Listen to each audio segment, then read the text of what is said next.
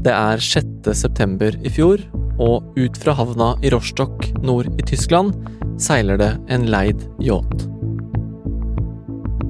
Om bord er det seks personer, og de neste dagene seiler de rundt i Østersjøen. Over rørledningene som egentlig skal frakte gass fra Russland til Europa. Nord Stream 1 og 2. Noen uker senere smeller det. Nato følger med. USA sier de er klare til å bistå Europa etter lekkasjene fra gassrørledningene Nord Stream 1 og 2 i Østersjøen. Etter at yachten leveres tilbake i havna i Rostock, finner tysk politi spor etter sprengstoff om bord.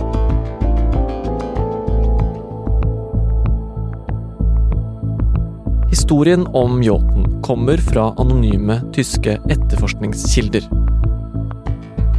For det har lenge vært spekulert på om det kan ha vært Russland som sto bak eksplosjonene på gassledningene i fjor høst. Men denne yachten skal visstnok kunne knyttes til Ukraina. Kan det ha vært de som sprengte gassledningene? Det er fredag 10. mars. Jeg heter David Vekoni, og du hører på Forklart fra Aftenposten. Sprengningene av eh, gassrørledningene i Østersjøen var meget dramatiske og førte jo til at, at verdier for over 75 milliarder kroner ble, ble, borte, og at krigen kom mye nærmere oss her i Norge, eh, fordi at eh, man fryktet at vi sto overfor en situasjon hvor krigen i Ukraina ville, ville spre seg videre. Og Derfor er det også så viktig å finne ut hvem som sto bak. Per Anders Johansen er utenriksjournalist her i Aftenposten. Og etter hvert som man nå begynner å nøste opp i hvem som kan ha sprengt gassledningene, så begynner det nesten å ligne litt på en slags påskekrim, men med veldig ekte konsekvenser. Det starter med en uventet hendelse 26.9. i fjor. Tirsdag morgen i september så ser vi hvordan det begynner å boble i havet ute i Østersjøen ved den danske øya Bornholm.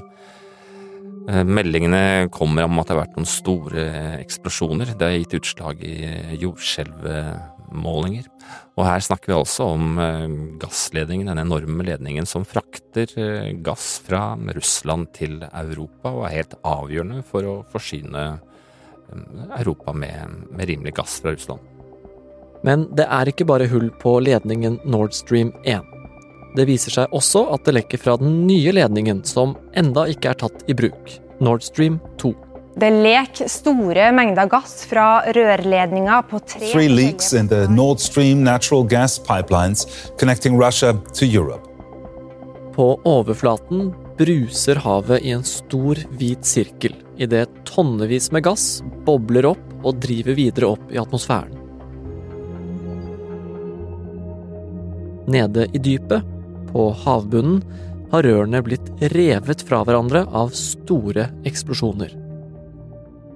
Veldig raskt så er flere eh, europeiske ledere ute og slår, eh, slår, fast at dette er en villet handling, dette er sabotasje. Informasjonen vi har fått i dag styrker ytterligere antakelsen om at skadene skyldes en villet handling. Det er altså trolig en spørsmål om et sabotasje i eh, vestlige medier, og også flere politikere, særlig i eh, de baltiske landene og noen andre steder, pekte mot, eh, mot, Russland veldig tidlig. På andre siden så var man også forsiktig fra mange land med å, å gi noen det hele klare ansvar for dette, for det var rett og slett helt usikkert hvem sto bak. Det var det ingen som egentlig visste. Hvorfor er det så mange spekulasjoner rundt at det kan være Russland, da? Altså, det er jo deres egne ledninger, delvis? Det er flere grunner til at dette kunne være Russland, og også her i Aftenposten så pekte vi på det. Og for det første så hadde bare noen dager før Putin eh, gjort en meget dramatisk beslutning. Han eh, erklærte mobilisering. Krigen gikk så dårlig, særlig etter det store sammenbruddet ved Kharkiv, at eh, Putin nå valgte å skylde på Vesten for å ødelegge Russland. Så dette kunne bli tolket som en slags signal om at uh, dette kunne gå veldig galt for Europa hvis man fortsatte å støtte Ukraina. En helt annen ting er jo at dette skjedde jo samtidig som at man skulle åpne en ny norsk ledning til Polen. Åpningen skjedde faktisk samme dag, og den norske energiministeren var på plass. Så det kunne også bli tolket som et uh, signal om at uh, ja, pass dere, fordi at uh, deres gassleveranser er, er, sårbare. Hva sier Russland til de spekulasjonene som dukker opp da, på det tidspunktet?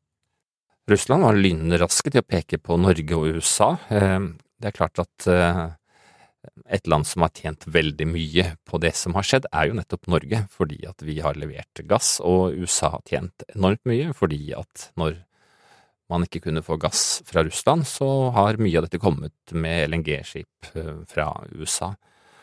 Og det ble jo nesten umiddelbart da pekt på at eh, norske soldater skulle, eller norske marinespesialister skulle vært med på fra russisk side, og disse eh, konspirasjonene har jo kommet siden også, blant annet nå ganske nylig.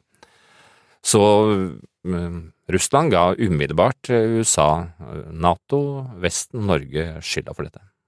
Men bortsett fra mm, påstandene fra Russland og, og noen på høyresiden i USA og på ytterste venstre side både i USA og Europa, så har nok inntrykket mange hatt vært at eh, dette sannsynligvis var noe som Russland hadde gjort.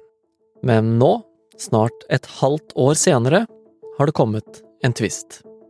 For eksplosjonene har selvfølgelig blitt etterforsket, og nå snur lekkasjer fra innsiden av etterforskningen alt på hodet. En ukrainskvennlig gruppe kan ha stått bak sabotasjen mot gassledningene eh, Nord Stream i fjor. Hvis det viser seg å stemme, så kan Zelenskyj ha et stort problem.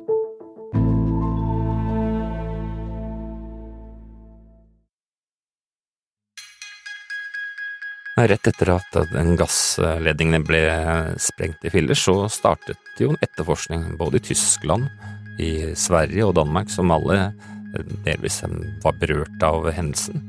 Men eh, nå har det altså kommet eh, flere nye lekkasjer fra den etterforskningen, som jo gir oss mye innsikt i hva dette kan være. Hva er det som har kommet eh, frem? Tirsdag så skrev New York Times, eh, basert på anonyme tjenestemenn i USA, at eh, det kunne ha vært en ukrainsk eller en pro-ukrainsk gruppe som sto bak.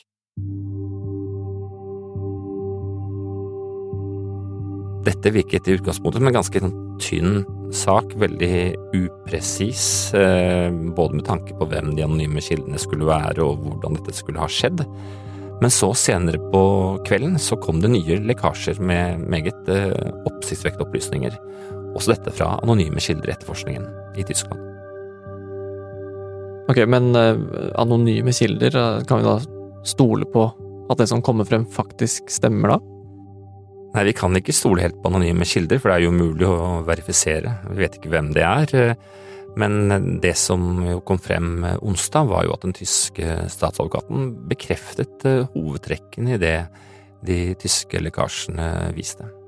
Og de mest eh, konkrete sporene som, eh, som er kommet ut, er altså da fra tyske journalister som har jobbet sammen i avisen Zeit og TV-kanalene ARD og SVR TV. De har åpenbart hatt tilgang til kilder i etterforskningen, og og de har en rekke detaljerte opplysninger.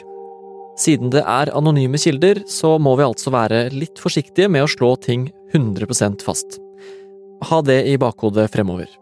For ved å sette sammen puslespillbitene som har lekket ut fra etterforskningen, så mener de tyske avisene at de har klart å gjenskape hendelsesforløpet i tiden før og etter eksplosjonene.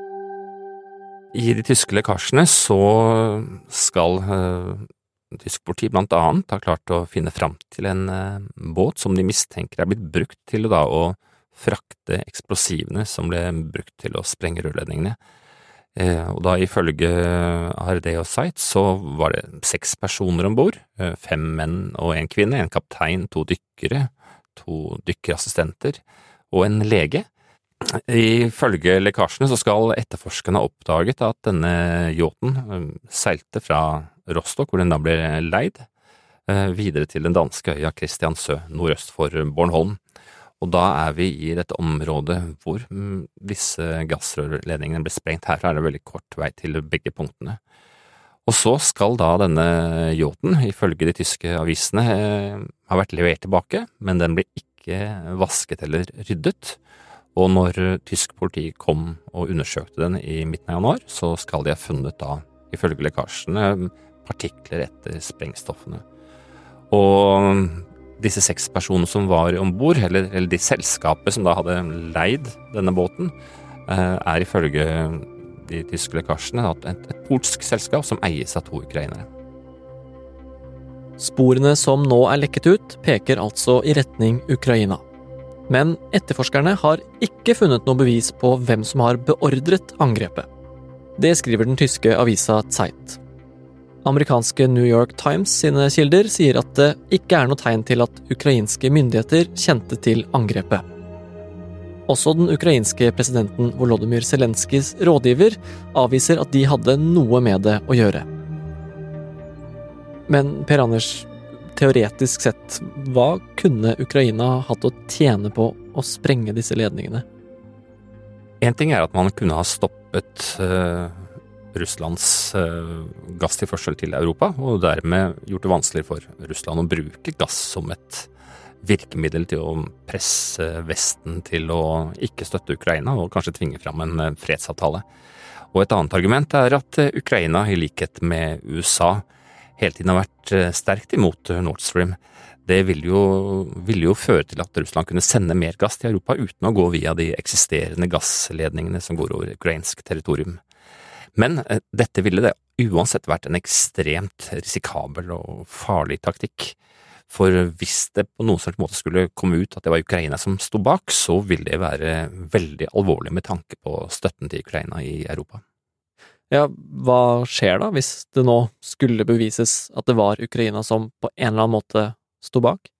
For eh, Europa eh, og EU så vil det være en svært vanskelig og delikat posisjon hvis det skulle vise at eh, det var en ukrainsk gruppe eller, en, eller noen andre som hadde vært ansvarlig for dette angrepet, fordi at alle vanlige mennesker i Europa, også her i Norge, har betalt en høy pris for disse ganske ekstreme energiprisene vi hadde, særlig ja, fram til ganske nylig. Og hvis en eh, ukrainsk eller pro-ukrainsk gruppe skulle ha stått bak dette her, så ville dette kunne svekke støtten i befolkningen til krigen, og det vil jo være svært alvorlig, fordi Ukraina er faktisk eh, helt avhengig av at EU eh, e og Nato-landene fortsetter å gi støtte, både økonomisk og militært.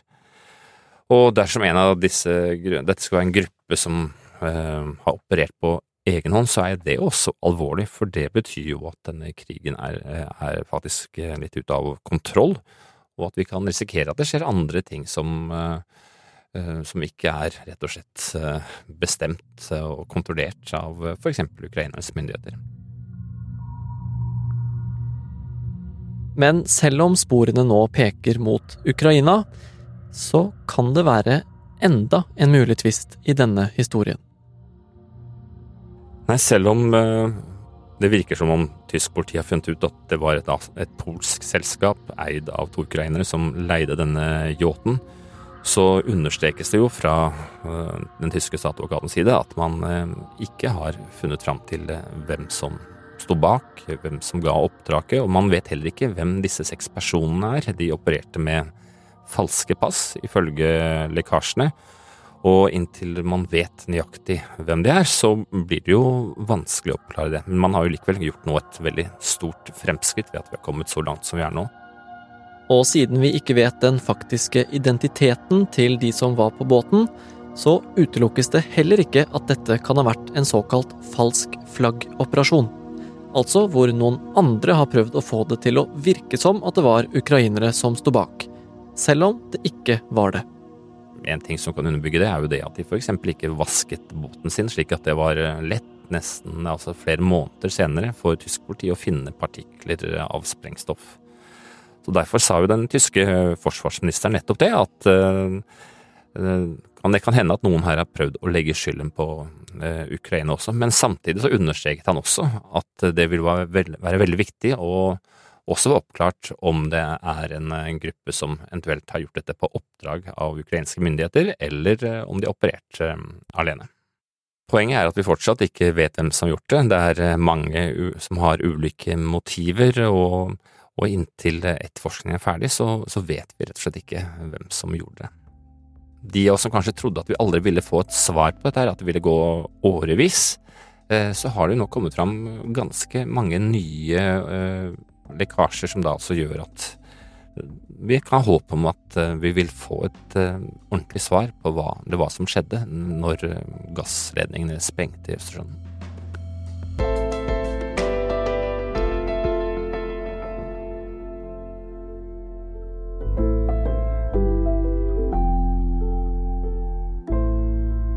Du har hørt en podkast fra Aftenposten.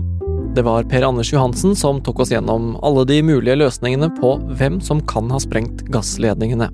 Du har hørt lyd fra NRK, Deutsche Welle, CNN, Aftonbladet og den norske regjeringen. Denne episoden er laget av Jenny Førland og meg, David Vekoni, og resten av Forklart er Synne Søhol, Olav Eggesvik, Philip A. Johannesborg, Trond Odin Johansen og Anders Weberg.